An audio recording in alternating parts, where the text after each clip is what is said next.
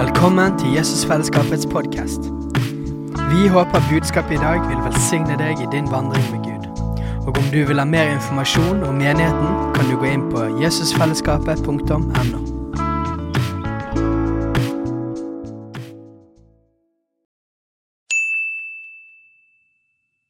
Hei! Visste du at Jesusfellesskapet starter en ny bibelskole til høsten? Den heter Jesusskolen og starter den 3. september. Gå inn på jesusskolen.no for mer informasjon.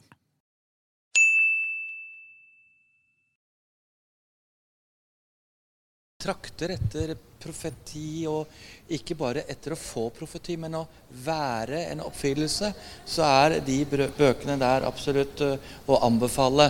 Hvis du har vært i en situasjon hvor du har fått en drøm Du vet Det står i Skriften om at Gud taler både på den ene og den andre måten uten at mennesket får tak i det. Og han gjør det for å spare mennesket for overmot. For å spare mennesket fra å forgå ved spyd, står det i Jobb kapittel 33. Og eh, på en måte, Noen sier at drømmer ikke er for i dag, fordi vi har jo Den hellige ånd. Men ut ifra Skriftene så finner vi jo det at Skriftene sier at eh, drømmer, syner, ja, det skal bare eksplodere i den nytestamentlige menighet. Fordi det er jo drømmegiveren. Og så kan vi få være drømmemottakeren. Og det gjør at vi kan høste så mye. Og Bibelen sier også det at eh, i ordspråkene 20 eh, så sier eh, Kan du si Det står det at det er Guds ære å skjule en sak for mannen. Men så er det kongers ære å utforske saken. Og Herren kaller oss i dag til å komme opp, komme opp, komme opp. Det er så mye i Skriftene som oppmuntrer deg i denne tiden til å være oppmerksom. Være oppmerksom på hva Gud gjør i denne tiden. Jeg er så takknemlig for at jeg kunne eh, komme hit tilbake til dere her i Jesusfellesskapet. Og eh, det er veldig motiverende og eh, byggende å se hvorledes mange av de som har vært med på seminaret fra Jesusfellesskapet, som kom hit på fredag, som sa at eh, dette er fremmed for meg. Og det var nye tanker som ble da presentert, men altså bibelske tanker, men som allikevel da har vært eh, fremmed. Og så har man blitt introdusert og har fått en opplevelse, en erfaring, på at eh, Oi, jeg hører ifra himmelen. Er ikke det vakkert? Og det er jo det vi trenger. Jesus sier jo det at 'mine får høre min røst'. Er det bare at du skal høre utleggelsen av Skriftene, eller at du skal ha bare hørt det at han elsker deg, eller er det så at du er en partner med Gud? En partner med Gud, så du kan du vet, Jeg tenker på meg selv. Jeg eh, var mange år redd for meg selv. Fordi at eh, jeg var redd for å være kjødelig. Jeg var redd for å være da sjelelig. Du vet åssen det er. At eh, oi, det må være så at om Gud taler, så skulle det være så voldsomt. Men du vet, etter hvert som jeg har levd, så har jeg forstått at eh, Gud taler gjennom mine sanser. Og så har det gjort at det jeg drømte om før, som jeg ikke så, det har jeg sett en voldsom inntreden av i den siste sesongen. Så Derfor er det veldig godt å komme hit til Jesusfellesskapet. fordi det ligger en brønn over Bergen.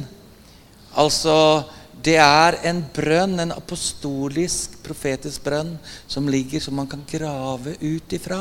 Men hvem er det gitt å grave, og hvem er det gitt å få? Jo, Bibelen taler om det også.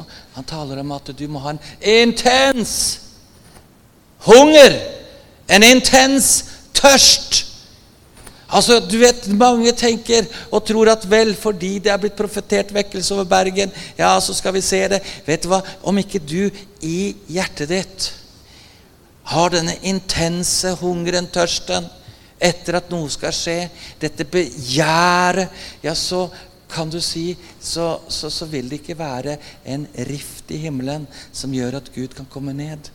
Og jeg har lyst til å bare lese et lite ord sånn her i starten. Eh, og det er i Jesaja 64 fra vers 1, hvor profeten hadde kommet inn i denne intense begjæret. Halleluja. Og jeg tror at eh, det er kamp om denne intensiteten. Det er kamp om denne, in, altså denne intense hungeren. Og eh, vi skal finne det ut fra Skriftene at det er et prinsipp som vi finner i hele Guds ord. Men der sier og ber eh, Jesajas Å, om du bare ville rive himmelen i stykker! Om du bare ville komme ned så fjellene kunne skake for ditt ansikt, som ilden fanger i tørre kvister, som ild får vann til å koke, så du kunne gjøre ditt navn kjent for dine fiender, så folkeslagene kan skjelve for ditt ansikt. Da du gjorde fryktinngytende og uventede undre, kom du ned, og fjellene skaket for ditt ansikt. Det kommer noe, men det er sannelig så at noe må skje med deg først. Noe må skje med meg først. Det er at du må ikke slokke den ilden. Og Hvis vi går til eh, Jesajas 60, så finner vi der også at det står 'Stå opp, bli lys, så skal min herlighet komme over deg. Og det er sannelig slik som det står videre her. For se, mørket dekker jorden. Er det ikke sannelig slik, dere, at vi har levd i en definitivt en underlig tid? Ikke det at det er fremmed for oss, for i forrige århundre hadde vi jo en eh, voldsom eh, mørk tid av to verdenskriger. Vi hadde pandemier. Eh, vi hadde fugleinfluensa. Vi hadde spanskesyken, som vi hadde på begynnelsen av det århundret. Etter den første verdenskrig så var det mellom 50 og 70 millioner som omkom. Unge, friske var det den gangen. Unge, frisker. Men det var viruser som rett og slett provoserte immunforsvaret på sterke, unge, friske mennesker. Mellom 50 og 70 millioner døde. Men det viruset som varte lengst eh, over det, det var kolora eh, eh, eh, denne, Hva heter det? Eh, sorry meg. Men eh, koleraviruset som tok livet av 100 millioner mennesker. og så hadde vi to verdenskriger.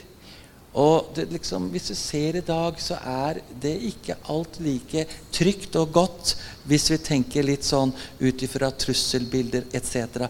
Men i det så finner vi at riker kommer, riker går.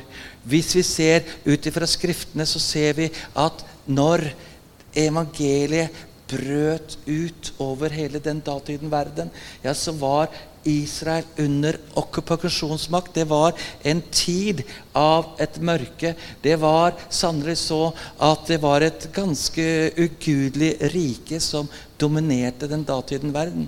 Og i dag så er det sannelig så at det er så mange røster som forsøker å trykke deg ned og bringe uro i deg. Men dette er tiden av å stå opp. Belgmørket dekker jorden. Men de som står opp i Herren, de som står opp og setter seg selv i brann, står det egentlig i grunnteksten der. Sett deg selv i brann. Hallo! Våkne opp! Sett deg i brann! Sett deg i brann! Vekk deg selv opp! Det er ditt ansvar å vekke deg opp. Det er ikke en pastor, det er ikke en apostel, det er ikke en profet, det er ikke en lærer. Men du har et ansvar å sette deg selv i brann. En intens hunger, en intens tørst. Lovsang, tilbedelse. Det var vakker lovsang i dag. Men du kan synge sangene uten å ha denne hengivenheten.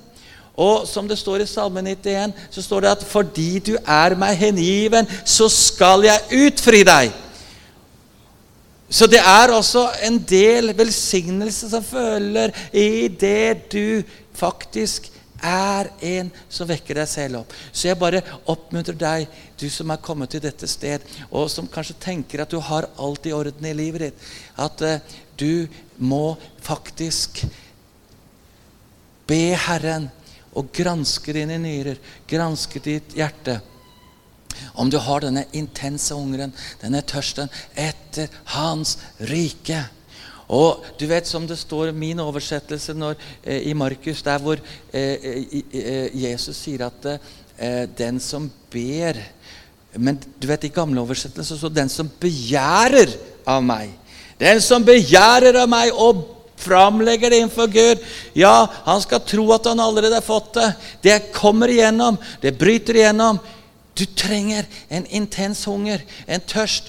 Det er en forløserfaktor for at du skal få oppleve denne vidunderlige tiden av at himmelen skal revne. Vi trenger å være en røkelse innenfor den himmelske verden. Og være som et tordenskrall i den åndelige, kan du si, den verden som står imot det Gud ønsker å gjøre her på jorden. Amen. Så våkne opp! Våkne opp!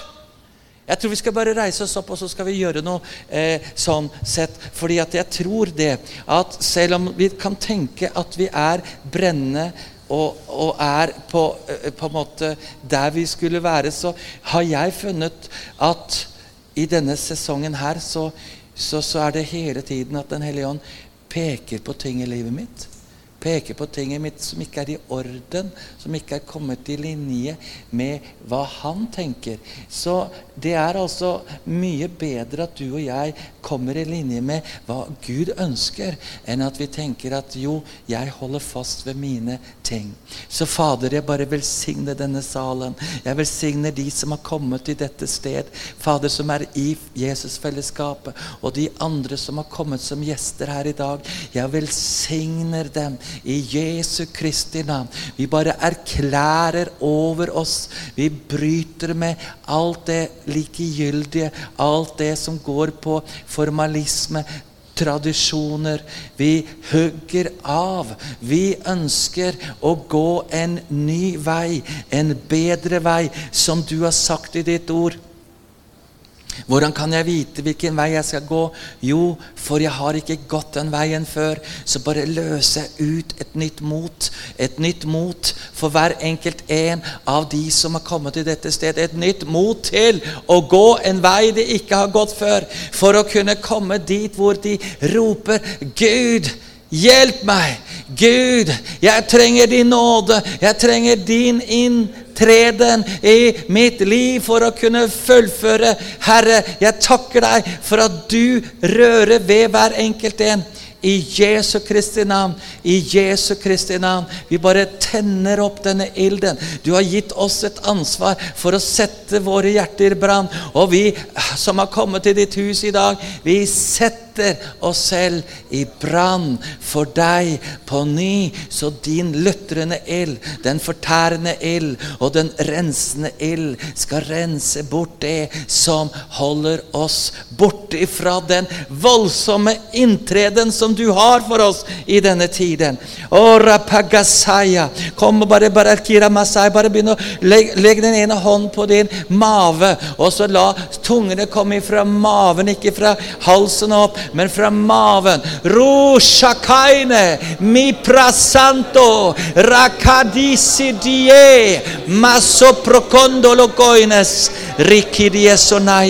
ora pasaya, ora pandele kendele kende. Fader, vi bare ber om den ilden. Vi ber om den personen. Vi ber om den intense hungeren. Herre, Herre, ja, vi reaktiviserer ilden. Vi vi reaktiviserer den hungeren. Vi reaktiviserer den eh, nysgjerrigheten for mer i Jesu Kristi dyrebare navn. Mer av deg, Herre. Mer av ditt rike, Herre. En voldsom inntreden. Vi kommer i linje med Jesaja. Vi kommer i linje med det ordet. Og om du bare ville rive himmelen i stykker og komme ned hit da du gjorde fryktinngytende og store under og tegn tegn. Og vi vil komme i linje med også profetens ord, som sier 'Stå opp, bli lys'. Sett deg i brann. Jeg setter meg igjen i brann for at din shabod skal hvile over meg i denne tiden. I Faderens, Sønnen og Den hellige ånds navn ber vi om det. Halleluja. Amen. Amen. Du kan gjerne sitte om du kjenner for det. Altså, I dette året så fikk jeg dette ordet eh, Det er kanskje et ord som ikke du har hørt så veldig mye forkynnelse om, men i, eh, dommer, eh, i dommerboken i kapittel 14 så står det der om at eh, med to tomme hender Det bør du legge merke til. To tomme hender. Det var en ungeløve som kom imot Samson. En brølende ungløve. Og med sine to tomme hender ja, Det er i Dommerboken 14 siden. Det er godt å se at dere eh, er et eh, folk som elsker å lese ut ifra Skriftene, så jeg tenker vi bare gjør det. Og eh, leser da det vi finner der i Dommerboken kapittel 14. Og der står det fra vers 5. Eh, så dro Samson ned til Timna sammen med sin far og mor. Og de kom til vingårdene. Det er altså 14 fra vers 5. Og de kom til vingårdene i Timna. Og se, det kom en ung, brølende løve mot ham. Altså, de kom imot ham. Det er litt interessant. De kom imot Samson. Og det er sannelig slik altså Hvis du har gaver og har et kall, og du har en salvelse uten at du, kanskje er helt klar over det selv, så vil du møte slike som har sett deg ut. Det er disse unge, eh, unge brølende løvene som kommer for å skade deg og ødelegge deg. Og du har kanskje gått igjennom ting. Du har kanskje nesten diskvalifisert deg selv fordi du har opplevd smerte, forkastelse, blitt forlatt. Kanskje du har opplevd at ting har gått i grus i ditt liv. Du har opplevd overgrep, du har opplevd saker og ting. Og det er ikke så at det er fra Gud, det er fra helvete. Det er altså som fienden. Han vet hvem du er. Og i tidlig alder så har han forsøkt å diskvalifisere deg. Han har forsøkt å sette deg ut av spill. Men Gud sier at dette er din dag, og dette er din tid, og dette er den dag hvor Herren kommer til. Sannelig, gjennom alle de lidelser du har vært, så skal du sannelig vite at du er kvalifisert. Fordi du har noe som heter empati, du har noe som heter medrykk, du har noe som heter den innlevelsen i alle de som Herren kommer til å sende deg i denne tiden, som virkelig er under et desperat behov for å bli satt fri og bli løst. Så jeg bare kommer imot den ånd som har holdt deg i det fangenskapet. For nå kommer den dagen hvor du skal reise deg. Men vi skal lese litt videre her, så ser vi det prinsippet. Så da ser vi det at uh, det kom en ung, brølende løve mot ham. Ikke mot foreldrene, men mot ham. Herrens ånd kom mektig over ham, og han rev løven i stykker som en river i stykker et kje, selv om han ikke hadde noe i hånden. Men han fortalte ikke det til sin far eller sin mor om hva han hadde gjort. Altså med to tomme hender. Husk det. Det er et godt utgangspunkt å ha når du ønsker å være en som utfører Guds mirakler. Det er altså ikke med henne fulle av dine erfaringer eller dine prestasjoner eller eh, på en måte at du har blitt lagt hånden på eller profetier. Du har to tomme hender. Altså, du går en vei du ikke har gått før. Og dere vet jo den bønnen som jeg elsker å be, som kanskje du trenger et helt år på profetskolen for å lære. Den er litt avansert, og den eh, krever litt sånn eh, memorering. Men eh, jeg skal gi dere den bønnen nå veldig kort, eh, så du trenger ikke egentlig eh, mobilen din og så eh, på en måte eh, ta den opp. Men, men, er dere klar for å høre min bønn? Jeg tror noen av elevene ved, eller deltakerne ved seminaret også har eh, på en måte lært seg den bønnen denne helgen. Skal vi rope sammen den bønnen? Én, to, tre Hjelp! Skal vi ta den en gang til? Hjelp! Vet du hva? Det er det beste utgangspunktet vi har for at vi kan få se en voldsom inntreden av Gud. For det er ikke ved makt, og det er ikke ved kraft, men det er ved Guds ånd det skal skje. Så om du er tom, da kan Gud virkelig bruke deg, altså. Så bare vær frimodig. Vær frimodig. Vi skal gå videre her og se noen ting som er veldig interessant. Fordi vi skal eh, fortsette her. Eh, vi, eh, vi, vi, går litt eh, ned til vers 8. Fordi da han vendte tilbake, altså Samson, etter en tid for å ta henne til seg altså Han hadde et annet oppdrag, egentlig. Han skulle ta eh, sin utkårede til seg. Så, men det er ikke det som er på en måte det vi skal henge oss fast ved akkurat nå. Men selv det som var så viktig for ham, kan du tenke deg Du skal altså ta henne til deg. Og så allikevel så hadde han noe i seg. At han måtte oppsøke det døde løvekadaveret. Det er interessant, ikke sant? Jeg mener, Du skal altså på bryllupsfesten din, og så tar du veien ut til det døde løvekadaveret. Det er interessant. Men vi skal ta det etter hvert. Så gikk han av veien for å se på kadaveret av løven. Og se, det var en bisverm og honning i kadaveret av løven. Han tok noe av honningen i hånden og spiste mens han gikk videre. Da han kom til sin far og sin mor, ga han noe til dem, og de spiste også. Men han fortalte dem ikke at han hadde tatt honningen fra kadaveret av løven. Men det er noen interessante ting her. Og det er at eh, kan du si, det som har forvoldt deg stor skade, det kan være der du kan hente liv ut ifra. Er ikke det vakkert? Så du må ikke dis kvalifisere deg selv, selv om du har gått igjennom det du kanskje Ja, som vi nevnte i stad, vi skal ikke male det ut, men jeg tror du kjenner virkelig på det for din egen del, at du kanskje har gått igjennom ting. Og så hva er det da denne Samson gjør? Jo, for det første så overvinner han sikkert denne stanken det må være av et løvekadaver som har ligget der og forråtnet seg. Og så var det denne bisvermen han måtte passere. Han hadde en fornemmelse og at det var noe liv å hente ut ifra det løvekadaveret. Og er det ikke sånn det er med Gud, at Gud er mektig til å vende og alt det som du har opplevd, har diskvalifisert deg og vært død for deg, at han er mektig til å vende det om til liv for deg. Det er jo egentlig det som egentlig jeg tror uh, Herren vil vise oss gjennom dette skriftstedet. At uansett hva du har vært igjennom, uansett hvor lang tid du har vært i ting som har vært destruktivt, vært ødeleggende, så er Gud mektig til å snu det om til liv. Men du må passere disse denne bisvermen. Og jeg tror dette ordet om at han gikk videre mens han åt, er også en ting. Og det er i eh, Habakuk kapittel 2 vers 4 står det Jeg tror vi skal eh, også gå til det skriftstedet, for det er eh, et vakkert skriftsted. For det står der eh, Se der er den oppblåste.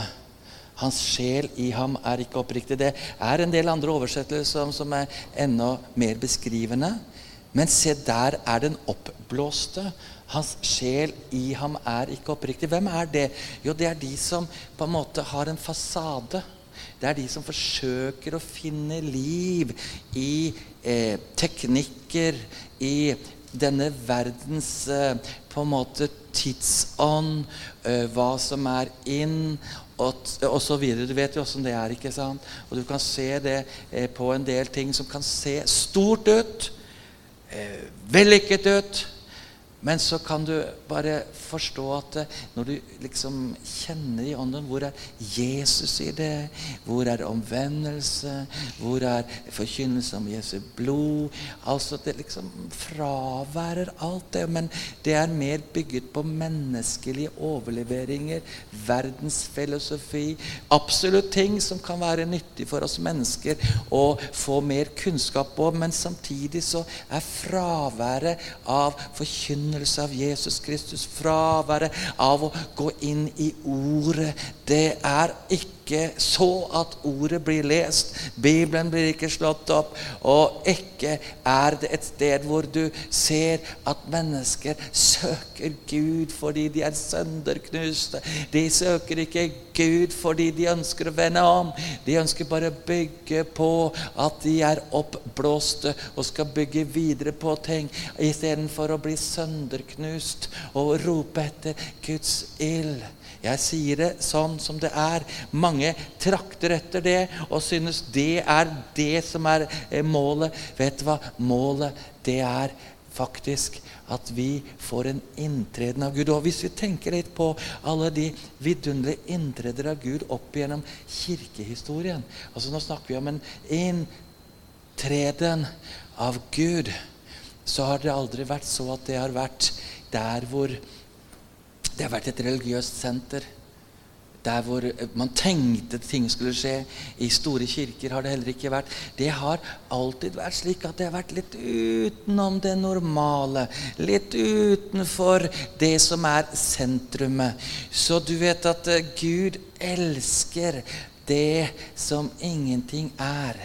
Der vil Gud virke når man har denne eh, opplevelsen av at man har tømt seg for seg selv, tømt seg for alt. Vi vet at eh, profeten her egentlig snakket om babylonerne, og det er jo dette systemet i verden. Du kan ikke tenke som denne verden for suksess. Du kan ikke tenke som denne verden for å få en inntreden, for at ting skal komme igjennom.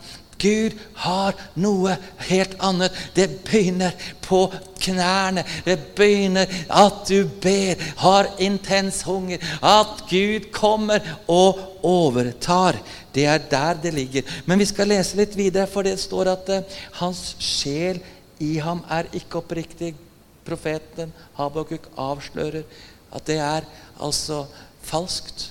Det er ikke der du skal være. Men så står det 'den rettferdige ved sin tro'. Jeg husker jo at uh, når vi var i trosbevegelsen i, i midten av 80-tallet, så, så, så, var det liksom 'den rettferdige ved sin tro'. Ved sin tro, rettferdige. Altså, det var jo det vi så. Men jeg syns det var så vakkert når Herren lot meg eh, se at egentlig det som er vektleggingen her, er ikke rettferdig eller tro. Altså forstå meg rett, Selvfølgelig trenger vi å være rettferdig og tro, men det står her den rettferdige ved sin tro skal leve. Så det ordet som faktisk er det som vektlegges her, er ordet shaya på eh, hebraisk, som betyr at du skal leve bevege deg kontinuerlig. Det er akkurat som Samson. Han begynte å gå og spise mens han beveget seg. Altså Det kommer en ny bevegelse, det kommer en ny kontinuitet. Det kommer en ny tid av å blomstre. Og så er det to fremmedord der for oss troende veldig ofte. Det er ordet å nyte og leve i lykke. Altså Det er ikke alle som forstår hva det er. Det er tragisk. Men Gud ønsker at du skal nyte. Og at du skal leve i lykke. Lykkelig det er ikke sånn djevelen alltid er ute etter deg. Vet du hva? Det er når du kommer inn i den fasen av at du har vetet jorden med dine tårer, og du begynner å se at hans shabod kommer over deg, ja, og hans shaya begynner å virke i deg, da kommer du inn i noe nytt som heter å nyte. Ja, det er jo ikke bare det, men det er å leve kontinuerlig, det er å blomstre, det er å få helse tilbake. Etc. Så jeg tenker at dette er en sånn tid som Herren kaller oss til noe nytt. Han kaller oss til noe nytt i Jesu navn. Jeg bare kjenner at, eh, at det er en del eh, rett og slett kultur, som jeg vil si ukultur, som må eh, vekk ifra Guds forsamling. Jeg, jeg, ja, altså det er ting som, som, som, som du må begynne å spørre deg selv hva er sømmelig å komme når du kommer på gudstjeneste? Hva er sømmelig i det du hører utleggelsen Skriften? Er det at du ser på TV? Altså forstå meg at du tar gudstjeneste som at du ser på TV og bare får høre forkynnelse, så du kan gjøre alt mulig rart? Eller eh, har du kommet dit hen at du vil ha et møte med den levende Gud? Da er det ting du må legge bort. Hallo, hobbyer. Du kan ikke ha hobbyer i gudstjenesten, spør du meg. Eh, så man legger bort strikketøy. Man legger det bort. Eh, man legger bort mobilene sine. Man eh, bruker ikke den tiden til å eh, på en måte fylle seg med saker og ting. Forstår du hva jeg snakker om? Det er bare sånne små ting som vi ikke tenker på. Men jeg tror at i denne tiden, så, som vi har sunget her, en hellig Gud en hellig Gud, en inntreden av ham, gjør at du og jeg posisjonerer oss på, på sånne småting til det store. Og det er noe som må skje i våre forsamlinger, i våre innstillinger, i hvorledes vi ber, i hvorledes vi tilber, i hvorledes vi kommer til Guds hus. Ja, så det faktisk er sånn at du ikke trenger å på en måte Hva skal jeg si eh, bruke en halv time for å eh, drive med hva skal vi si lovsang, men vi går rett inn i tilbedelsen. Er ikke det vakkert, dere? At det er et miljø, det er en eh, atmosfære av i det hellige rom at du rett og slett kommer inn. Altså bare Er du en tilbeder? Altså, Vi lever ikke i Det gamle testamentet lenger. Vi lever i Det nye testamentet. Vi lever i den tiden hvor forhenget er revnet, og du kan gå like inn. Like inn innenfor Gud. Så jeg bare velsigner deg i Jesu navn. Jeg velsigner deg i Jesu navn om at Herren skal virkelig reise deg opp som et kongelig presteskap i denne tiden. Og at du ikke bare skal på en måte komme til gudstjenesten og være bare Forstå meg rett. Eh, altså, Én ting er å hvile. Ikke sant? Hvile i Gud. Men en annen ting er at du liksom er avslappet sånn litt sånn Hvis du forstår eh, hva skal jeg si, litt sånn løs, da. Eh, det tenker jeg at når jeg kommer inn for min himmelske Fader, ja, så er det ikke slik jeg kommer inn for min himmelske Fader. Én eh, ting er i mitt private rom så kan jeg kanskje Jeg sier ikke 'pappa' til Gud veldig ofte. Jeg gjør ikke det. Eh, selv om det har med intimitet å gjøre. Så du sier jo ikke 'pappa, pappa, pappa'. pappa. Eh, men jeg syns det er underlig alle som bruker bare den benevnelsen for Gud offentlig. Pappa, pappa, pappa. Altså, Gud er mer enn en pappa. Gud er mer. Gud er så mye mer. Han reises opp i denne tiden iblant mange troende som faktisk har vært på sine knær og bedt og ydmyket seg, hvor tårene har vett jorden, og en inntreden av Gud kommer igjennom i denne verden. Og det trenger vi i dag, altså. Eh, et annet ord som på en måte eh, hva skal vi si eh, er veldig viktig for meg, som jeg bruker stadig vekk, og det er Jeremias 33,3, hvor det står 'kall på meg'. Kall på meg. Og det ordet 'kalle på', det er et ord som brukes egentlig om Faderen. Eh, vår himmelske Elohim, som skaper alle ting hvor han bød, og det sto der Altså, det som ikke var, ble til. Og det står ca. 700 ganger i Gamle testamentet ordet kara.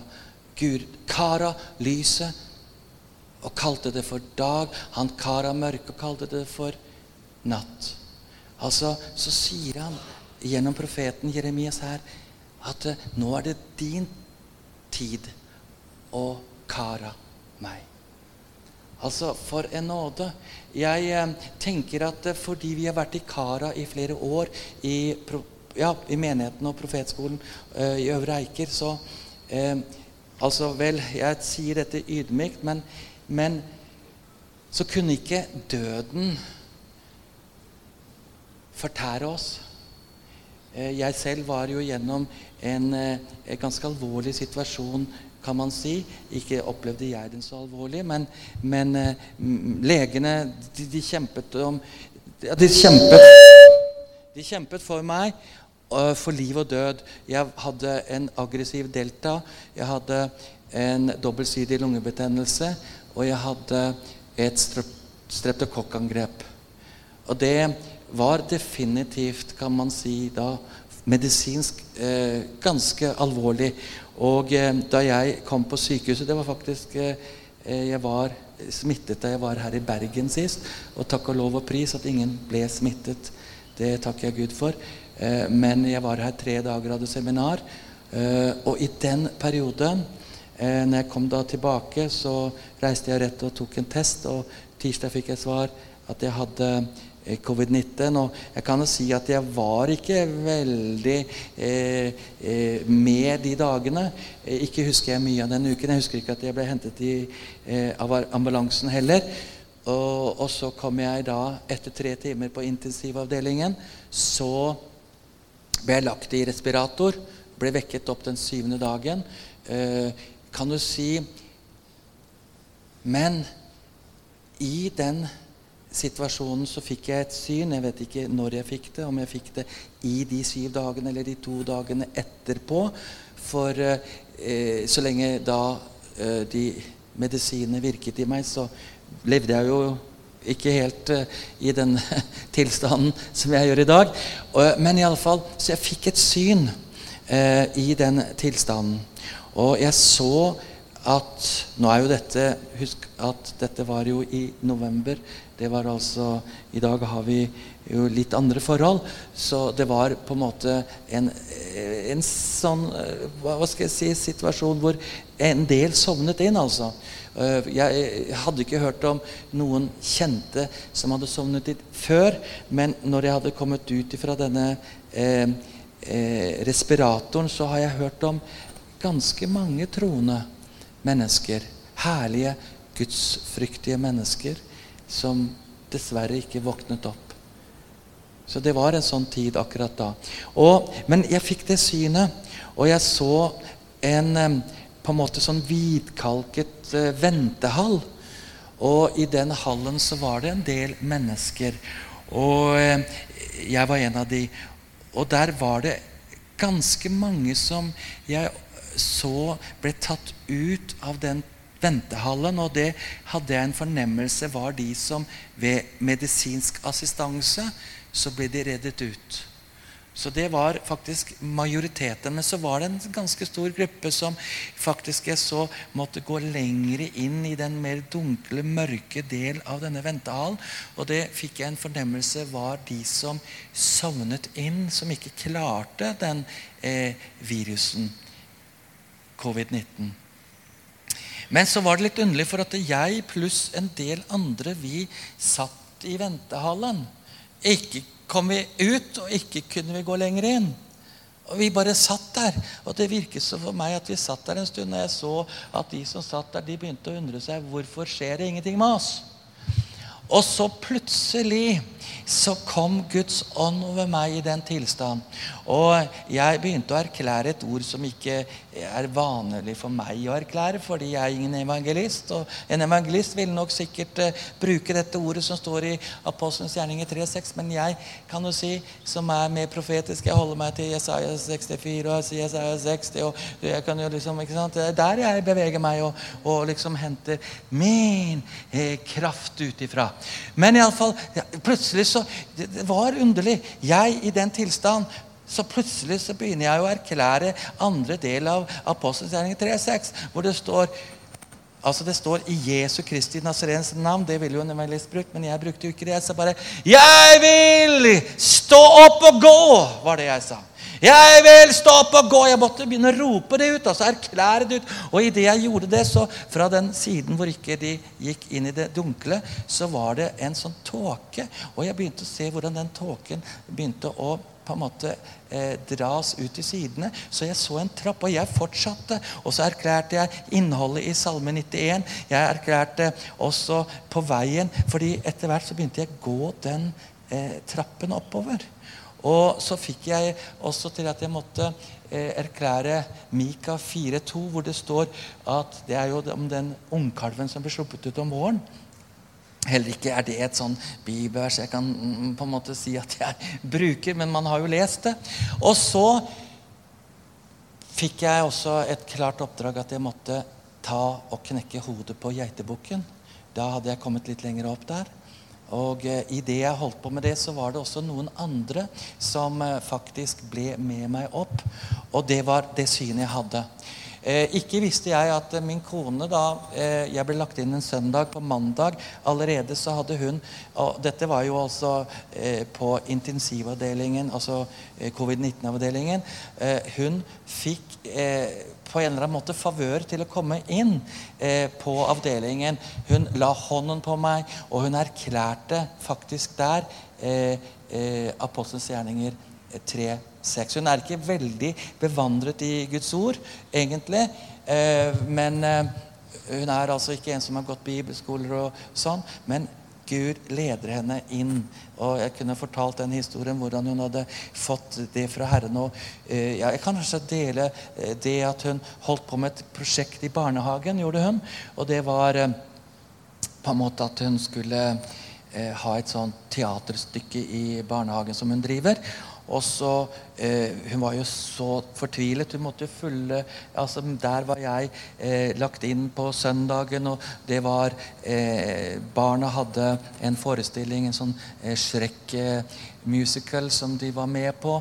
Og så hadde hun fått lov til å hente ut noe sånne isoporgreier som hun skulle ta etter at den eh, på en måte teaterstykket var over. Da var det mørkt. Dette var i, i, i eh, slutten av november. Og eh, hun var bare så fortvilet. Hun fant ingenting, bare tok tak i noen ting eh, som hun ikke visste hva var. Og så så hun da hun kom i bilen og fikk lyset på, at det var en A. Og så bare begynte hun å se for seg at hun skulle male den rød. Og så kom hun hjem, og så viser det seg at den var malt rød på den ene siden. Det hadde hun ikke sett i det dunkle. Og så begynte hun å bli ledet til at A står for alfa, altså begynnelsen. Så hun erklærte en begynnelse for meg. Begynnelse. Og så ledet Gud henne til apostelens gjerninger. Eh, A for apostelens gjerninger. Og hun brukte også det eh, bokstaven hele den uken eh, som at pappa jeg, ikke sant, A.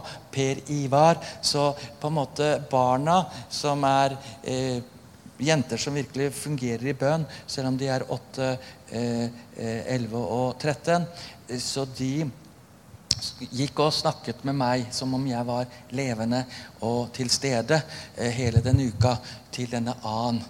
Kan si, som en profetisk handling. Men hun ble ledet også inn. Så på sykehuset der på mandagen så bare erklærte hun i Jesu navn Stå opp og gå! Stå opp og gå! Hun fikk en, audiens en time. Litt spesielt at hun fikk det.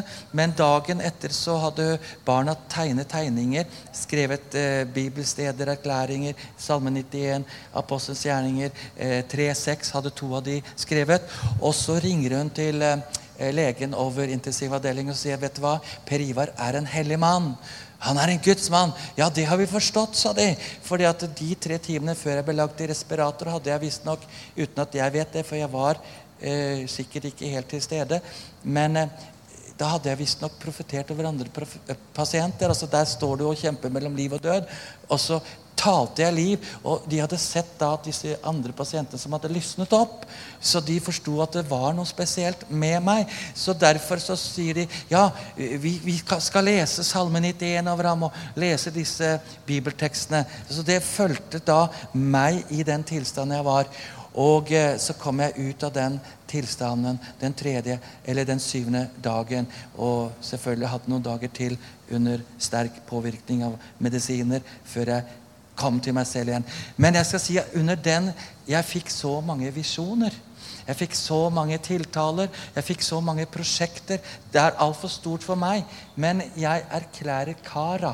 Kara betyr at det som er utilgjengelig, skal bli tilgjengelig. At det som er utenkelig, skal bli tenkelig. At det som er uforståelig, skal bli forståelig. Og om du i Jesu navn følger litt av det som har kommet fram her i kveld eller i dag, så er sikker på at ditt liv kommer til å bli at det som har vært utenfor rekkevidde, skal komme innenfor rekkevidde. At det som har vært utenkelig, skal bli tenkelig. At det som har vært uforståelig, skal bli forståelig. Og det som har vært umulig, skal bli mulig. Det er en ny dag. Det er en ny tid. Det er ingen død som kan holde deg fast. Ingenting av sykdommer. Ingenting av omstendigheter. Noen frykter for eventuelt en verdenskrig akkurat nå, som vi vet. ikke sant? Det males et bilde. En To år har vi hatt nå pandemi, og så snakker vi om nedsmelting og miljøforandringer. Jeg mener, du vet, Ungdommer i dag de tenker jo ikke engang at de skal få eh, barn. For det profeteres fra media dag ut og dag inn. Mørke, mørke, mørke. Og ja visst så er det så.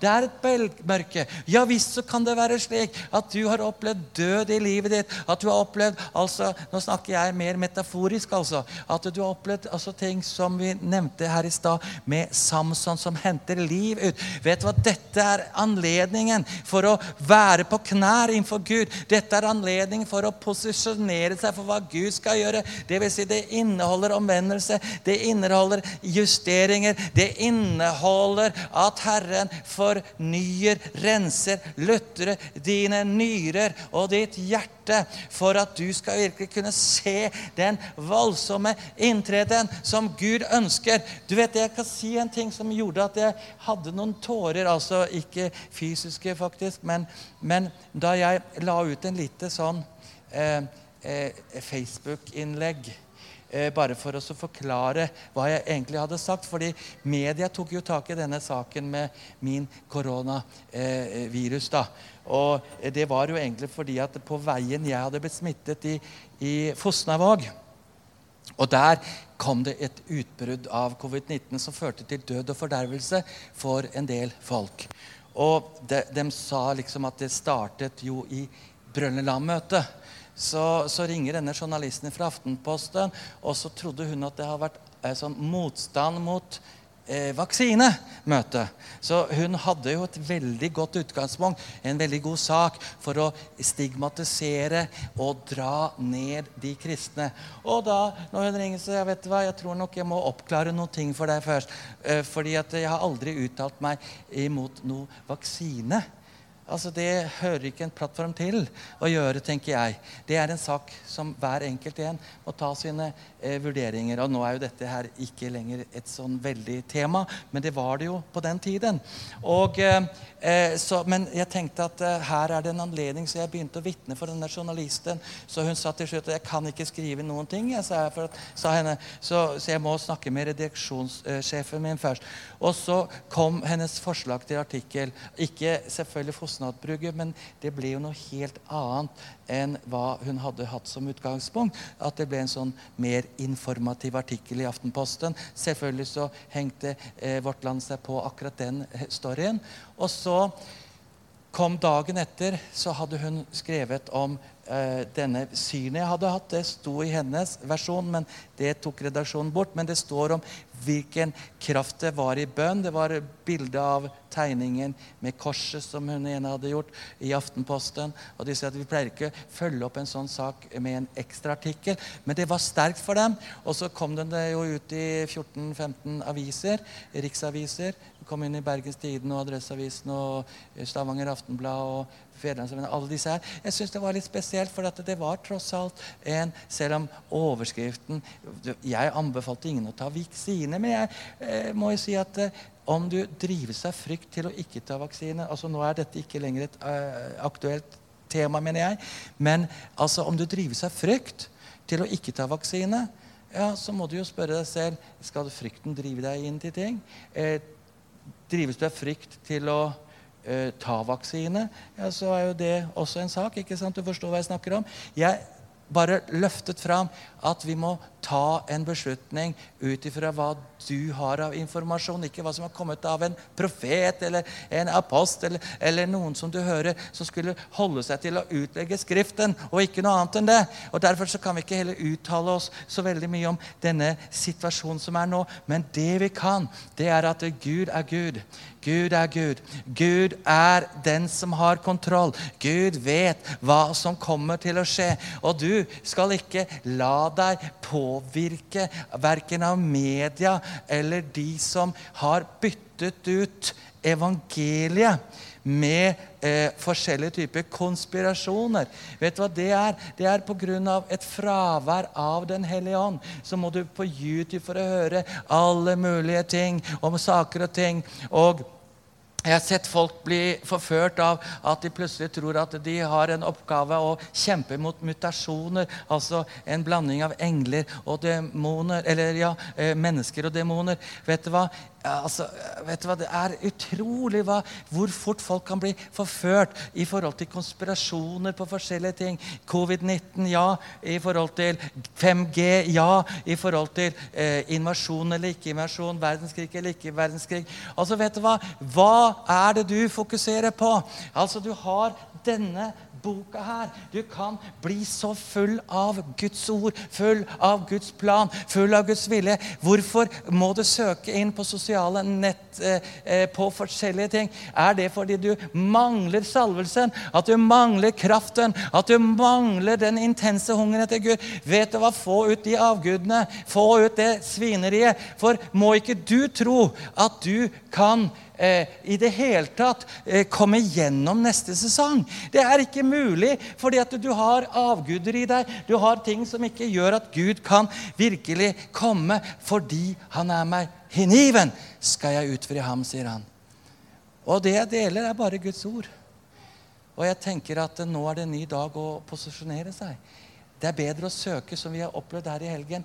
Jo, vi har holdt oss til eh, Skriftens ord om å ha denne intense hungeren etter at noe skal skje gjennom deg.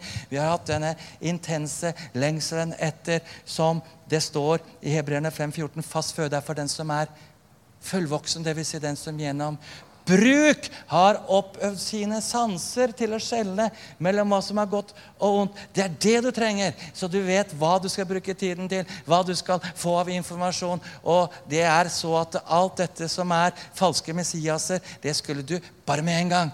Det der vil jeg ikke vie et øyeblikk på. Jeg vil ha med Jesus å høre. Jeg, jeg har lest nå hele din bibel. Jeg begynner å be litt mer enn å gå inn på disse merkelige stedene som ikke gir deg noe annet enn forvirring. Altså er det så Fordi jeg opplevde faktisk den tiden da Jeg nevnte jo denne Facebook-lille innlegget jeg hadde der. Og så jeg bare tenker, Kjære Gud, er det mulig? Eh, der er det, jeg kjente mange av de. Jeg hadde vært på seminarer. Altså de hadde, og så tenker jeg, Herlighet, det må jo være demoner i dem som kan få dem til å skrive noe sånt på Facebook. Altså, oi, Så her hadde de viet seg til noe som de syntes var interessant. Og så kommer det ut som forbannelser og besvergelser og, og, og, feller dom over en som hadde skrevet bare en myk formulering.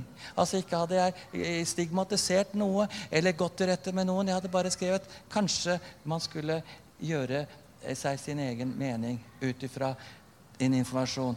Og det var nok til å se eh, kristne tungebedende karismatikere til å sikle, frese og kjære Hva var det for noe? Det er demoner. Ikke noe annet enn demoner. Religiøse demoner. Så det, det, kan komme så fort vet du, hvis ikke du holder deg til hva Skriftene sier, og har fokuset på hva Jesus gjorde, hva Jesus sa. Det er jo det som er vårt fokus. Og for en Jeg tenker det, jeg er 60 år. Og eh, Eh, jeg er mer, eh, har intense hungeren i dag enn jeg hadde eh, da jeg var 30. Og jeg har enda mer denne personen for Jesus. Ikke det at jeg kan si at jeg ikke har noe jeg kan erobre og innta, men jeg har fortsatt en levende tro som har holdt gjennom at jeg har opplevd altså mange, mange slike opplevelser som eh, Samson også gjorde. At han eh, opplevde ungløven kom imot ham. Men du kan hente liv, du kan hente styrke, fordi Gud er trofast, Gud er rettferdig, og Gud ser deg. Gud ser deg. Men han ønsker en reposisjonering. Han ønsker noe som heter omvendelse. Han ønsker å rense noe som kanskje har kommet inn eh, og blitt eh, på en måte som at du går på autopilot. Du skal heller komme dit hvor du faktisk hver dag tenker, og hver gang du kommer til gudstjeneste Det er noe nytt! Gud vil gjøre noe nytt. Amen. Jeg tror vi skal stoppe der, siden familie roper osv. Uh, men uh, vi kunne jo utmalt mye mer om det. Men la oss bare spørre Herren. Jeg tror Den hellige ånd har talt til deg om ting. Og hvis du kjenner at det butter litt i deg, da har du definitivt noe som du trenger å uh, vende deg bort ifra. Ikke sant? Hvis det butter litt i deg, hvis du liksom føler at det sånn innvendig skjærer litt grimaser i deg, ja, da er det sannelig så at da har du virkelig noe du kan få lov til å vende om for å å få å være Jeg bare løser ut denne Hulda-salvelsen. Hulda hun var en profetinne som gled raskt og posisjonerte seg. Og gjennom Hulda så, så faktisk Israel av, ja, Det har vært en av verdenshistoriens største vekkelser som kom gjennom det. Hennes navn betyr 'den som glir raskt'. Vi trenger å posisjonere oss. Vi trenger å være myke og føyelige for å komme i posisjon for en voldsom inntreden. Så far, jeg bare velsigner denne menighet. Jeg bare velsigner, Og jeg bare kjente det at denne menighet er et utrustningssenter. Denne menigheten kommer til å utruste mange mennesker. Det er apostoliske, profetiske, eh, det er evangelistiske evangelistiske. Og det kommer også sterke læregaver ut fra dette stedet. Det kommer helbredelsesskoler som Herren kommer til å eh, reise opp på dette sted. Eh, profetskoler. Det kommer til å være et utrustningssted, ikke bare for denne byen og dette sted, men det kommer til å være så at det brer seg ut fra nord, sør, øst og vest. Ja, selv eh, eh, vest så er det nasjoner som venter, sier Herren. Så vi bare løser ut i Jesu navn at denne menigheten skal være kjent for noe som Herre, ligger på det at et folk er deg hengivende. Et folk som er deg hengivende, som Herre fullfører løpet. De som begynte den gode, for det er sannelig slik at du som er på dette sted, du har begynt en god gjerning. Du skal fullføre den. Så jeg bare løser ut nåde. En fullførersalvelse. En fullførersalvelse. Vi bare takker deg for denne inntreden av deg, Fader, i alle disse som posisjonerer seg. Fader, som ser at ja, jeg kan gjøre sånn, jeg kan gjøre sånn. For Den hellige ånd kommer og helliggjør. Vi løser ut i Jesu navn. Det er nåde over dette sted i Jesu navn navn. Koresente machoprakaides. I Jesu navn. Amen. Hei, alle sammen. Det er Katrine og Steinar Lofnes her. Vi er hovedledere for Jesusfellesskapet. Så kjekt du har lyttet til denne podkasten. Har du forresten hørt noen av de andre podkastene våre? Ukens tale, Disippelskolen, Hyrdepodden, Kulturkrigen og Mammas hjerte. Du finner disse podkastene på Spotify, Apple Podkaster og på nettsiden vår jesusfellesskapet.no.